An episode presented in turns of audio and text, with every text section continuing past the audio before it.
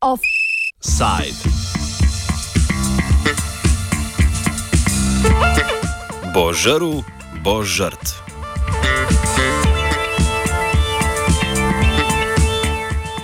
Zavod za gozdove Slovenije je predstavil predlog načrta lovsko-upravljavskih območij za leto 2017. Predlog, ki ga mora potrditi še Ministrstvo za kmetijstvo, gozdarstvo in prehrano na določenih območjih, predvsem v Kočevju in na Goričkem, predvideva 25-odstotno povečanje odstrela jelenjadi glede na leto 2016.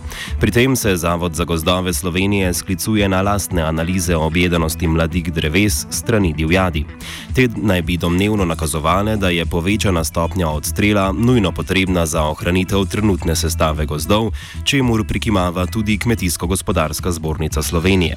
Predlog pa je razburil Lovsko zvezo Slovenije, ki se je odzvala z argumenti, da bo tako povečan odstrel ogrozil dolgoročno preživetje jelenjadi. Pomankljivosti analize Zavoda za gozdove Slovenije razloži Ra Lado Bradač, predsednik Lovske zveze Slovenije. Analiza objedenosti, ki je ključni element za drastični dvig odstrela jelenjadi na osrednjem življenjskem območju, uh, nas v bistvu moti. No? Zato, ker v dolgoročnih desetletnih načrtih so, je predvideno kar vrst, bistveno več elementov, po katerih se v bistvu to ocenjuje. Res je, da je objedenost taka, kot je bila leta 2010, ugotovljena bila na podlagi te analize tudi leta 2014. Skratka, ni spremembe, ampak po drugi strani se treba zavedati, da je leta 2014 bila zima, sneg, dolg, dolgo časa je sneg bil in v takih pogojih je v bistvu vedno objedenost večja. Če je bila enaka kot leta 2010, so v bistvu te stvari že sporne. Drugo, kar nas pa v bistvu predvsem skrbi in takrat se je že povečal odstrel, naslednjo leto že spet, zdaj še leta 2017 na podlagi rezultatov iz leta 2014. Ostalih parametrov pa ne upoštevamo, da se škoda po divjadi na pridelkih, na polčinih pa drastično zmanjšuje. Uh, skratka, upoštevajmo vse uh, elemente, kot jih predvideva uh, dolgoročni načrt upravljanja. Ne zgolj enega, ki je nekomu v korist, da to odstrel poveča. Poleg tega, po letu 2014 je nastal žled, zaradi neukrepanja, zaradi težav pri delu, so se v gozdu pojavil žled, uh, po žledu lubadar. Uh, ko pride lubadar v gost, je tisti gost v trenutku za 50% manj vreden kdo bo plačal te škode. In te škode, ki jih v bistvu očitajo jelenjadi, eh, so v bistvu neznatne v primerjavi s tem, kar se v bistvu zgodi z lubadarjem. Resnično neznatne. Kmetje, ki jih zastopa Kmetijsko-gospodarska zbornica Slovenije, se sklicujejo na lastne izkušnje s škodo, ki jo na mladikah dreves povzroča jelenjat in načrt odstrela pozdravljajo. Trditve Lovske zveze Slovenije zavrača Cvetko Župančič oziroma Zupančič, predsednik Kmetijsko-gospodarske zbornice Slovenije. Uh, lete, to, uh, take trditve nimajo nobene osnove. Mislim, da je Zavod za gozdove pravilno odreagiral, glede na to, da uh, škode po uh, jelinjadi v zadnjih uh, desetih letih strmo naraščajo. Lahko se tudi vprašamo, ali je jelen, jelen sploh avtohtona žival v Sloveniji, če vzamemo tukaj uh, nekako, uh, nekaj zgodovine uh, zadnjih 100-200 let. In uh, glede škod, uh, pa moram reči, da jelen je velika žival, veliko poje eh, in eh, prav od jelena so škode največje, takoj po divjem prašiču. Na teh območjih, seveda, tukaj pa moramo zdaj izpostaviti en problem, problem objedenosti eh, gozdnega mladja. Mi smo 2014 doživeli eno tako uh, naravno nesrečo v obliki žledoloma, uh, in pa seveda potem Ljubadar, eh, ki so zelo opustošili gozdove. In eh, prav eh, glavna, glavni sanita, sanitarni ukrep ali pa obnovitvenih gozdov, ukrep za obnovitev gozdove je pogozdovanje in pa seveda podrast, se pravi mladje, ki se samo obnavlja. In prav je ren je tisti, ki tega mladja največ požre. Seveda, doskrat slišimo neke vrste očitek v tej smeri, da uh, se te škode ne prijavljajo, ampak veriti moramo, da je, je, se pravi, škode v gozdovih po zakonu o gozdovih sploh se ne povračujejo in zaradi tega tudi lastniki niso uveljavljali te škode in te škode niso evidentirane, jih pa evidentira Zavod za gozdove, ki pa ugotavlja, da če ne bomo na tem področju nekaj naredili, pač bodo v prihodnje, kjer so veliki, se pravi, goloseki zaradi naravnih nesreč, seveda ne imeli gozdove, ampak bomo imeli dobesedno uh, neke vrste uh, uničena drevesa in pa uh, se pravi gozdni plevel, kot je robida in tako naprej. Lovska zveza prav tako ugovarja zatrjevanju Zavoda za gozdove, da gre pri največjem povišanju odstrela zgolj za 25 odstotkov več kot lani, pojasni Bradač. In mi želimo s tem opozarjanjem, da je nesmotrno, glede na to, da že v lanskem letu ni uspelo lovcem realizirati odstrela in zaradi tega pravimo, da se odstrel poveča za 38%. Na tisto številko, ki se je uspelo v lanskem letu realizirati, se poveča na letošnji plan za 38.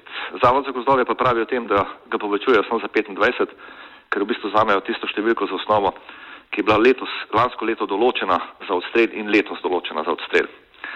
Uh, se pa treba zavedati, da približne ocene, kateri nišče ne ve točno, koliko je divjadi, kažejo na to, da v bistvu posegamo v rodni del populacije.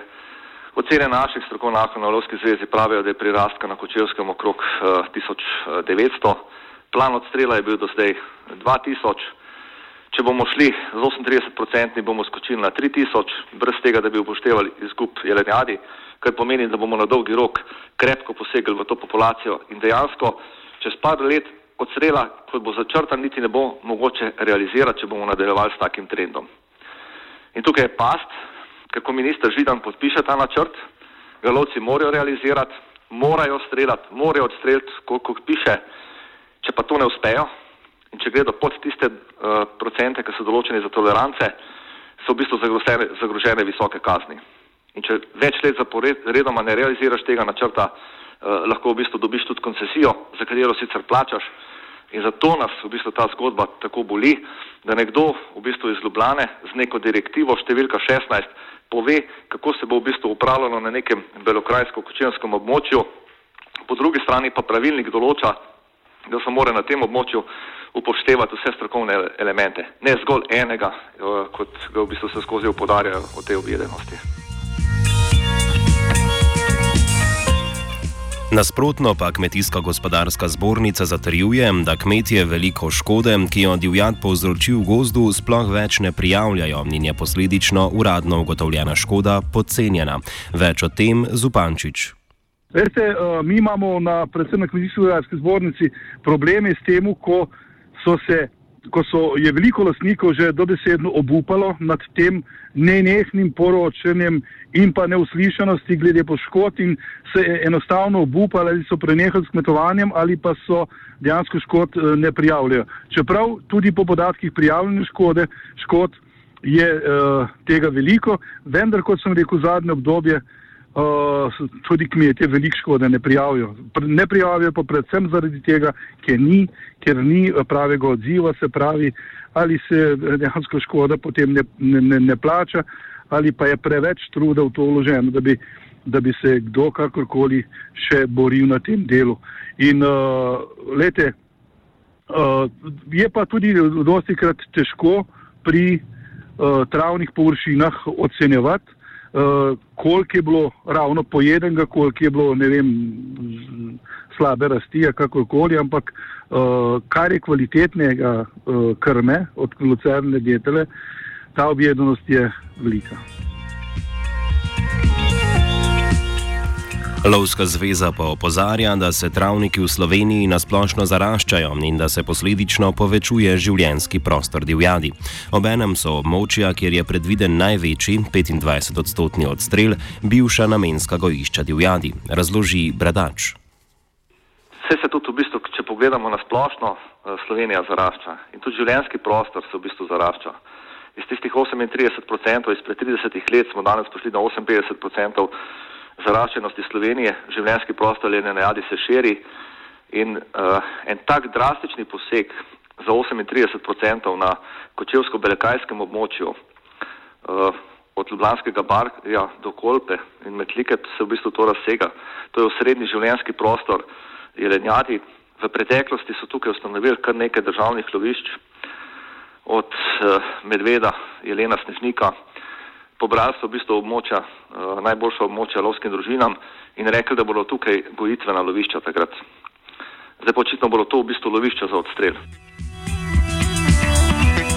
Zavod za gozdove v svoji analizi zatrjuje, da na leto približno zgolj 2 odstotka jelenjadi upleni volk in da tudi povečan odstrel ne bi pomembneje vplival na prehranske navade plenilcev jelenjadi. S tem se ne strinja bradač. Medved je seveda predvsem rastlino jed, ampak pobira tudi mrhovino, se pravi tiste jelenjad, ki pogine v gozdu, jo tudi poje ali pa ostane po kakšnih prometnih nezgodah. Če je ustrezna kvota jelenjadi, se potem tudi medved tukaj lahko prihranjuje. Mogoče gremo bolj na konkretne številke. Veste, ta 2% v bistvu pomeni, da poje volk 700 uh, eh, primerkov jelenjadi na letni ravni. Ne? To je ta številka. Zdaj, če na nekem območju dvigujemo za iz 2000 na 300, pa na celotnem območju v bistvu imamo izgube še tam tistih 700, so to številke, ki so zaskrbljujoče. Volk je pa oportunist, a veste. Eh, skratka, govorimo o tem, da gremo preko tega prirastka, preko dejanskega prirastka, bistveno više gor, uh, dodatno pa bo v bistvu pač naredil svoje tudi volk. In ne živi, tudi volk ima svoj prostor v tem gozdovu, ne me napak razumeti kot predsednika Lovske zveze, mislim, da moramo ohraniti vse te živali za naše zenamce, tudi volka. Uh, ampak treba mu je zagotoviti tudi prehrano, kar pomeni, da moramo ustrezno kvoto jelenjadi imeti na nekem območju da se lahko v bistvu volk tudi prehranjuje, je pa volk oportunist. To pa pomeni, da če na nekem območju drastično, ne vem, v državnem lovišču postrelimo jelenjadi, se ne bo tukaj zadrževal, trop volkov bo šel tam, kjer je jelenjadi več in iskal bo čim lažjo možnost do tega, da pride do prehrane. In tisti trenutek, ko v bistvu najde potem še kakšne ovce, črede ali pa kaj podobnega, pač poišče hrano tam. In pomembno za preživetje volka in medveda je tudi to, da je čim manj konflikta v naravnem okolju z prebivalci, ker manj kot je konflikta, bolj v bistvu so ljudje pripravljeni na to, da spremejo kot sopotnika v svojem življenjskem prostoru volka ali medveda. Poleg jelenjadi, ki bojda je preveč za dobro gozdov, travnikov in polščin, pa je na uradu zaradi domnevno prevelikega apetita tudi kormoran. Ministrstvo za kmetijstvo in Ministrstvo za okolje in prostor sta predstavila predlog dolgoročnega programa za zmanjševanje vpliva kormorana na ribje vrste v celinskih vodah. Rešitev, ki predvideva plašenje oziroma odstrel kormoranov v določenih vodotokih, je usklajena z Ribiško zvezo Slovenije. Nasprotuje pa i Društvo za opazovanje in proučevanje ptic, ki ribičem očita, da vpliv kormorana na velik upad predvsem soškega lipana ni ustrezno dokazan. Več Katarina Denac iz Društva za opazovanje in proučevanje ptic. Um, zdaj pač prvi komentar je ta, da mi nismo od uh, Ribiške zveze Slovenije nikoli dobili nobene metodologije, pa nobenih dokazov o populacijskih opadih rib. Um, v bistvu ne poznamo te metode, no, tako da je težko karkoli komentirati, da so te vrste res upadle ali ne. Uh, ravno tako ne poznamo nobenih raziskav, ki bi lahko potrdile neko korelacijo med morebitnim upadom uh, posamezne vrste rib in pa, uh, pač številom kormoranov. Se pravi, recimo, mi imamo konkretno pa en primer za mislim, da podust v Krki, kjer je jasno razvidno, da se je dve tretjini upada, um, se je v bistvu zgodilo že prej, preden se je sploh kormoran začel pojavljati. Ne. Tako da je vidno, da pravzaprav so očitno razlogi za upad nekje druge, um, kar je mogoče seveda tudi v primeru soškega lipana na Soči.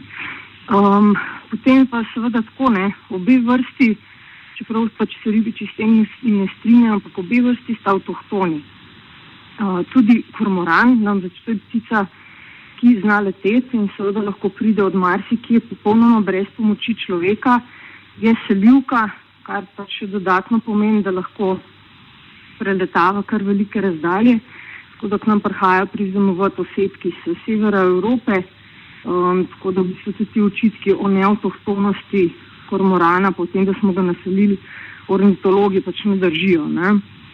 Um, številni problemi so, ki se v rekah pojavljajo, od onesnaževanja do gradnje raznih pregrad, kamnometov, uh, potem eutrofizacije reke in potem posledično seveda zaraščanje recimo z makrofiti na teh um, plicinskih delih, kar potem onemogoča drst posameznih vrst uh, in tako naprej. Zdaj, problem, ki ga povzročajo sami ribiči, uh, konkretno tudi v Soči, pa ne samo Lipano, ampak recimo tudi Soški postrvi, je uh, preteklo in pa žal še zmeraj sedanje ulaganje uh, vrst rib, avtohtonih in neavtohtonih v samo reko. Uh, in znano je, da se skupaj s temi mladicami, ki se jih vlaga, vloži tudi mnoge bolezni in parazite. Ne? Nasprotno pa Igor Miličič, sekretar Ribiške zveze Slovenije, trdi, da je populacija soškega lipana med letoma 1994 in 2007 upadla za 90 odstotkov prav zaradi plenjenja strani kormorana. Ker nisem sam tega delu eh, metodologije, ne morem tega komentirati. Ampak glede na to, da pač so podatki um, iz tako, imenovane, uh, tako imenovanega ribiškega katastra, RIPCAT, uh, javno dostopni, uh, shranjuje jih pa uh, Javni zavod za ribištvo Slovenije. Mislim, da je tukaj vsaka zadeva jasna in se lahko hitro ugotovi, je prišlo, zakaj je prišlo do upada. Po naši oceni, mislim, tako bom rekel, zdaj vam ne morem dati točne številke, kakšna bi bila ta ocena, ampak gledajte, če po, recimo, po ocenah samega Dobsa, ne, ki so jo dali v svoji reviji za leto 2016, da ne bi bilo uh, kormoranov uh, v Sloveniji tam okoli 4200. Če zdaj to vzamemo, mal, uh, se gremo matematike, pa izračunamo, ne, uh, da kormoran poje po dnevno po pol kilograma rib in da je pri nas prisoten 150 dni, uh, boste hitro prišli do številk, uh, ki, uh, torej tonaže rib, ki bistveno presega ulov, uh, ulov vseh ribičev uh, v celem letu, v primerjavi pač z uh, uh, ulovom kormorana. Offside je pripravila Neja.